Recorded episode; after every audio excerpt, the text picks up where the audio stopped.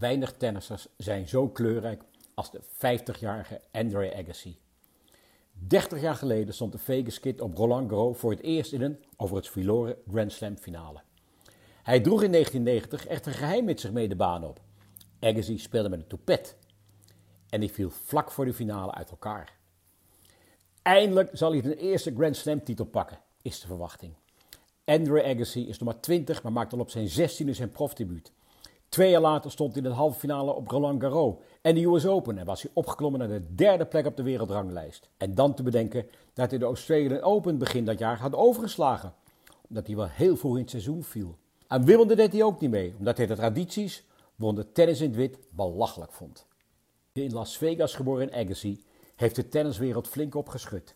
Met zijn blonde lange manen, haarband, stoppelbaard en felgekleurde tenniskleding is door tennisgoeroe Nick Bollettieri klaargezonde tennisser een opvallende verschijning. De Vegas Kid is een rebel, gedraagt als een verwend kind, vloekt en scheldt wat af op en rond de baan. Maar de jeugd en veel vrouwen lopen desondanks met hem weg. De sponsorcontracten stapelen zich op. Maar heel plezier heeft hij niet in zijn sport. Het is hem van jongs af aan opgedrongen door zijn strenge vader, die ooit als bokser uitkwam voor Iran op de Olympische Spelen. Tennis is voor Agassi een middel om aandacht en snel veel geld te vergaren. En dat werd extra duidelijk toen hij ja zei tegen de commercial van cameramerk Canon met als slogan Image is everything. Agassi is het boegbeeld van een nieuwe generatie getalenteerde Amerikaanse tennissers. Hij moest even slikken toen niet hij, maar Michael Cheng in 1989 de eerste was van zijn generatie die een Grand Slam titel won. En ook Jim Courier en Pete Sampras rukken op. De fans van Agassi worden langzaam ongeduldig. Zijn criticasters beginnen zich te roeren, slaan hem om de oren met die slogan uit de Canon commercial, Image is everything, en roepen dat hij niet voor zijn sport leeft. En afgaan op zijn voedingspatroon, Agassi is junkfood verslaafd, hebben ze zeker een punt. In 1990 is hij hard op weg iedereen de mond te snoeren. Hij won in San Francisco zijn negende ATP-titel, stond in de finale in Indian Wells en boek zijn grootste overwinning door het Masters-toernooi van Key Biscayne te winnen. Op Roland Garros heeft hij in de vierde ronde Jim Courier, zijn maatje op de tennisacademie van Bollettieri, rechts verslagen. In de kwartfinale ging Cheng, de winnaar van een jaar eerder, eraan. En in de halffinale kopte hij Jonas Svensson. In de finale wacht als vierde geplaatste Andres Gomez. De man uit Ecuador is al 30 en Agassi, die als derde is geplaatst, vroeg hem een paar weken eerder nog in Miami. Het moet wel gek lopen, wil Agassi niet zijn eerste Grand Slam titel pakken en een gooi naar de eerste plaats op de wereldranglijst. Maar de avond voor de finale in Parijs slaat het noodlot toe. Onder de douche valt de toupet, om te vullen dat zijn haar op zijn twintigste al dunner wordt, plotseling uit elkaar. Ik heb waarschijnlijk een verkeerde conditioner gebruikt, vertelt hij in zijn biografie Open uit 2009, waarin hij voor het eerst verklapt dat hij jarenlang een geheim met zich meenam de baan op. In paniek laat hij zijn broer naar zijn hotelkamer komen. Philip heeft wel een idee, gaat Parijs en op zoek naar haarspelden, maar kan ze nergens vinden. In de foyer van het hotel komt hij oud-tennisser Chris Evert tegen, maar ook zij heeft geen haarspeltjes. Uiteindelijk treft Philip een vriendin van zus Rita, die hen uit de brand helpt. Op de hotelkamer repareert ze het haarstukje met iets van twintig haarspeltjes. Agassi in zijn biografie. Ik vraag, wat denk je? Blijft het zo wel zitten? Ja, vast wel. Je moet alleen niet te veel bewegen. We schieten allebei in de lach. Zij het als een boer met kiespijn. Natuurlijk zou ik ook zonder mijn haarstukje kunnen spelen. Maar na al die maanden waarin ik ben bespot, bekritiseerd en belachelijk gemaakt, heb ik daar geen zin in. Image is everything. Wat zouden ze wel niet zeggen als ze wisten dat ik al zo lang met een haarstukje speel? Ze zouden in elk geval niet over mijn spel schrijven, of ik dan win of verlies. Ze zouden het alleen maar over mijn haar hebben. Ik zou worden uitgelachen door de hele wereld. Tijdens de warming-up voor de Roland Garros finale tegen Gomez bid Agassi. Niet voor een zegen, maar dat mijn haarstukje het houdt. Normaal gesproken zou ik gespannen moeten zijn voor mijn eerste Grand Slam finale. Maar door mijn minuscule haarstukje raak ik enigszins verlamd. Ik beeld me in dat het losraakt. Tijdens elke uithaal, elke sprong, denk ik dat het op het greffel valt. Ik hoor het publiek al verbaasd naar adem happen. Ik kan miljoenen mensen al verbaasd dichter naar de tv zien schuiven, elkaar aankijken en in tientallen talen dialecten horen zeggen: Viel Andre Agassi's haar zojuist op de grond? Agassi verliest mede door het groen met zijn pruik, maar ook doordat hij onvoldoende van zijn eigen kracht uitgaat, die finale op 10 juni 1990 met 6-3, 2-6, 6-4, 6-4. Voor Gomez betekent het zijn eerste en enige Grand Slam titel. Agassi in zijn boek Open, ik zit in de kleedkamer met gebogen hoofd en stel me voor wat de honderden journalisten zullen zeggen. En dan heb ik het nog niet eens over mijn collega's. Ik kan ze al horen. Image is everything. Agassi is nothing. Nadat hij andermaal Wimbledon heeft overgeslagen, haalt de US Open opnieuw de finale. Zijn tegenstander komt uit de halffinale tussen John McEnroe en Pete Sampras. Sampras wint. Een jaar eerder heeft Agassi hem met 6-2, 6-1 van de baan geslagen in Rome. Hij had na afloop medelijden met zijn landgenoot, van wie hij toen verwachtte hem wellicht nooit meer tegen te komen op de baan. De camera zoomt in op Piets gezicht en ik zie dat hij helemaal op is, vertelt Agassi in Open. Bovendien zegt de verslaggever dat zijn dik ingetapte voeten vol blaren zitten. Ik bedenk in bed met hoeveel plezier ik Piet alle hoeken van de baan zal laten zien. Ik zal hem van links naar rechts laten rennen, dat zijn blaren van gaan bloeden. Ik val rustig, fit en vol zelfvertrouwen in slaap. De volgende dag heb ik het gevoel dat ik wel een 10 setter kan spelen. Ik heb geen probleem met mijn haarstukje, want dat draag ik niet meer. Ik maak gebruik van een nieuw, minder problematisch camouflagesysteem, een dikkere hoofdband en felgekleurde highlights. Kan gewoon niet verliezen van Piet. Van het ongelukkige joch waar ik vorig jaar nog met zoveel sympathie naar stond te kijken. Dat zielige joch dat geen bal in kon slaan. Maar dan verschijnt er een totaal andere Piet ten tonele. Een Piet die geen enkele fout maakt. In plaats van me af te vragen hoe ik kan winnen, begin ik te denken hoe ik kan voorkomen dat ik verlies. Dezelfde fout die ik de Comes maakte, met hetzelfde resultaat. Sempres wint op 10 september 1990 met 6-4, 6-3, 6-2. Tot overmaat van ramp verliest Agassi ook zijn derde Grand Slam finale. Op Roland Garros komt hij in 1991, een jaar later, met 2 sets voor. Maar gaat hij toch onderuit in 5-6 tegen Jim Courier, die later ook nog eens nummer 1 van de wereld wordt. Maar uiteindelijk komt het met Agassi helemaal goed.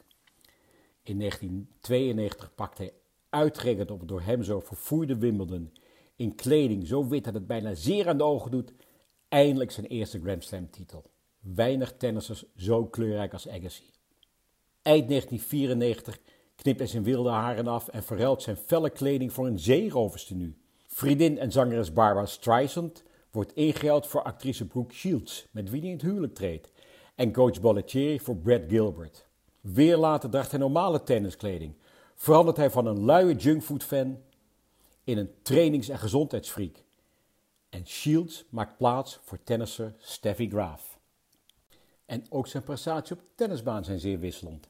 Na die eerste Grand Slam titel valt hij door een slepende polsblessure ver terug. Maar met behulp van coach Gilbert en fysieke trainer Gil Reyes keert Agassi terug aan de top. Hij wint in 1994 de US Open en in 1995 de opening van het tennisseizoen de Australian Open, die hij dat jaar voor het eerst van zijn leven speelt en wordt meteen nummer 1 van de wereld. Maar daarna begint hij weer aan een vrije val. Hij weet in 1996 nog wel Olympisch goud in het enkelspel te pakken, maar verder zijn de feestjes in Hollywood met echtgenote Shields veel te leuk. In 1997 is hij nummer 141 van de wereld en moet hij zich inschrijven voor challengers. Niemand geeft nog een stuiver voor zijn kansen. Maar opnieuw keert Agassi terug aan de top. In 1999 wint hij op Roland Garros de enige nog ontbrekende Grand Slam titel. En als bonus schikt hij in Parijs de vrouw op wie hij al jaren stiekem verliefd is, Steffi Graaf. En een paar maanden later is hij weer de nummer 1 van de wereld. Als hij bij de US Open van 2006 afzwaait, heeft hij acht Grand Slam titels gewonnen. Naast een Career Slam, wat inhoudt dat alle vier de Grand Slam toernooien minstens één keer gewonnen zijn, heeft hij Olympisch goud in het enkelspel, de Davis Cup en de ATP Finals op zijn palmarès staan. Niemand kan Agassi, die op 29 april 50 werd, dat nazeggen. Zelf Roger Federer, Rafael Nadal of Novak Djokovic niet. In december 2009 komt Agassi naar Amsterdam om zijn biografie te promoten. De excentrieke womanizer van weleer is veranderd in een rustige, vriendelijke huisvader. Zijn tijd brengt hij veelal door met zijn vrouw Steffi, zijn zoon Jaden Gill en zijn dochter Jazz Ellen in Las Vegas. En hij steekt veel tijd in zijn foundation, die geld inzamelt om kansarme kinderen onderwijs te bieden. Hij blikt in het Amstelhotel op een hartig terug op zijn loopbaan. Zelfvertrouwen was altijd mijn probleem, zei hij bij die gelegenheid. Dat heb ik nooit gehad. Ik was zo bang als ik de baan opkwam. Twijfelde hevig aan mezelf. Ik voelde me soms een buitenaards wezen. Vergeleken met andere spelers beweeg ik nooit enige twijfel en angst kon ontdekken. Had ik me iets van Johnny Connors zelfvertrouwen gehad, dat had veel ellende kunnen voorkomen. Mijn uiterlijk en gedrag aan het begin van mijn carrière waren een vlucht. Rebels gedrag zie je altijd bij mensen die op zoek zijn naar hun identiteit. Diep van binnen zat een bang, onzeker jongetje, vertelde hij ons. Toen ik opkwam met die felle kleding en afgeripte spijkerbroek aan, zeiden mensen dat ik niet goed was voor tennis. Ik kreeg een stempel opgeplakt en raakte er niet meer vanaf. Ik ben jaren gefrustreerd geweest. Wat ik zei maakte toch niet uit. Het werd altijd zo gedraaid dat het paste binnen het beeld dat mensen al van mij hadden. Image is everything. Die slogan achtervolgde mij, heeft me zoveel pijn gedaan. Het duurde jaren voordat ik erin slaagde mensen te laten inzien dat ik geen punk was. Ik ben mijn hele leven bezig geweest om van stempels af te komen. Ivan Lendl was nummer 1 van de wereld toen jij opkwam. Hij noemde je ooit een voorhand en een kapsel. Agassi, mijn haar werd al snel dun. Maar mijn kapsel maakte in mijn beleving ook deel uit van wie ik was en van hoe mensen mij zagen. En toen kwam dus die tijd dat ik met een toepet op ging spelen. En uitgerekend voor de finale van Roland Garros viel het zaakje uit elkaar. Ik verloor de finale, maar mijn toepet viel niet af. Dat was pas een overwinning. Lendl was in de jaren tachtig altijd met zijn lichaam bezig. Waarom duurde het bij jou zo lang voordat je professioneel met je vak bezig was? Agassi. Ik haatte tennis van 1998. En is het lastig hoor om alles te geven en op voeding te letten. Is dat ook de reden dat je, nadat je de eerste plek had bereikt op de wereldlanglijst, wegzakte tot plek 141? Agassi. Mij was altijd voorgehouden dat alles beter zou worden als ik op de ranking nummer 1 zou staan. En dat was in 1995. Maar daarna veranderde niets. Ik was nog altijd niet gelukkig. De wetenschap dat het allemaal niks uitmaakte, zorgde voor een enorme depressie. Ik wilde stoppen. En waarom stopte je dan niet, Agassi? Toen ik daar serieus over nadacht, zag ik pas dat ik met tennis een verschil kon maken. Ik kon met mijn sport mensen helpen. Toen ik was afgezakt naar plaats 141, zag ik pas wat tennis me opleverde. Ik ging pas op mijn 27e eindelijk professioneel van mijn sport leven. Op een manier zoals Cheng, Sampras en Courier en al die anderen dat al lang deden. Ik had een tweede kans gekregen, ze voelde het echt. In 1997 vernietigde ik bijna mijn leven. Ik was zo diep gezonken, greep zelf naar drugs. En toen ik uit die ellende omhoog krabbelde, wist ik dit nooit meer. Ik beloofde mezelf alles te geven voor tennis. Het ging zo ver dat ik op het einde van mijn carrière niet eens meer rechtop kon lopen. Ik had zoveel last van mijn rug dat ik tijdens toernooien meestal op een matras op de grond sliep. Maar ik kreeg er wel mijn vrouw en de zin van mijn bestaan voor terug. De bekentenis dat je drugs gebruikte in 1997, positief werd getest tijdens een dopingcontrole en met een smoes onder een schorsing uitkwam, zorgde voor veel opschudding. Agassi, mensen maken fouten, ook de zogenaamde helden. Niet alles is wat het lijkt. Ook mensen die beroemd zijn en veel geld verdienen hebben problemen. Op dat vlak bestaat er gelukkig geen discriminatie. Je grote rivaal was Piet Sampras. Jij won acht Grand Slam titels, Sampras 14. Had je er meer moeten winnen? Agassi, er stond geen net, maar een muur tussen ons in. Ik begreep niets van Piet. Ik heb vaak geprobeerd hem te begrijpen. Hij maakte hem nieuwsgierig. En Piet zorgde ervoor dat ik naar mezelf ging kijken. Hij was zo vastberaden, zo professioneel. Het leek wel of hij niet geïnspireerd hoefde te worden. Hij slaagde er toch wel in zijn doelen te bereiken. Alsof hij zijn gevoel kon uitschakelen. Hij deed me perplex staan. Ja, en ik had waarschijnlijk meer kunnen winnen als ik tijdens mijn carrière betere beslissingen had genomen. Maar wat is meer? Dat was niet waar het bij mij om draaide. Ik wilde al de Grand Slam titels één keer winnen. Dat was mijn drive. Toen ik in 1999 erin slaagde om Roland Garros te winnen, had ik bereikt wat ik wilde bereiken.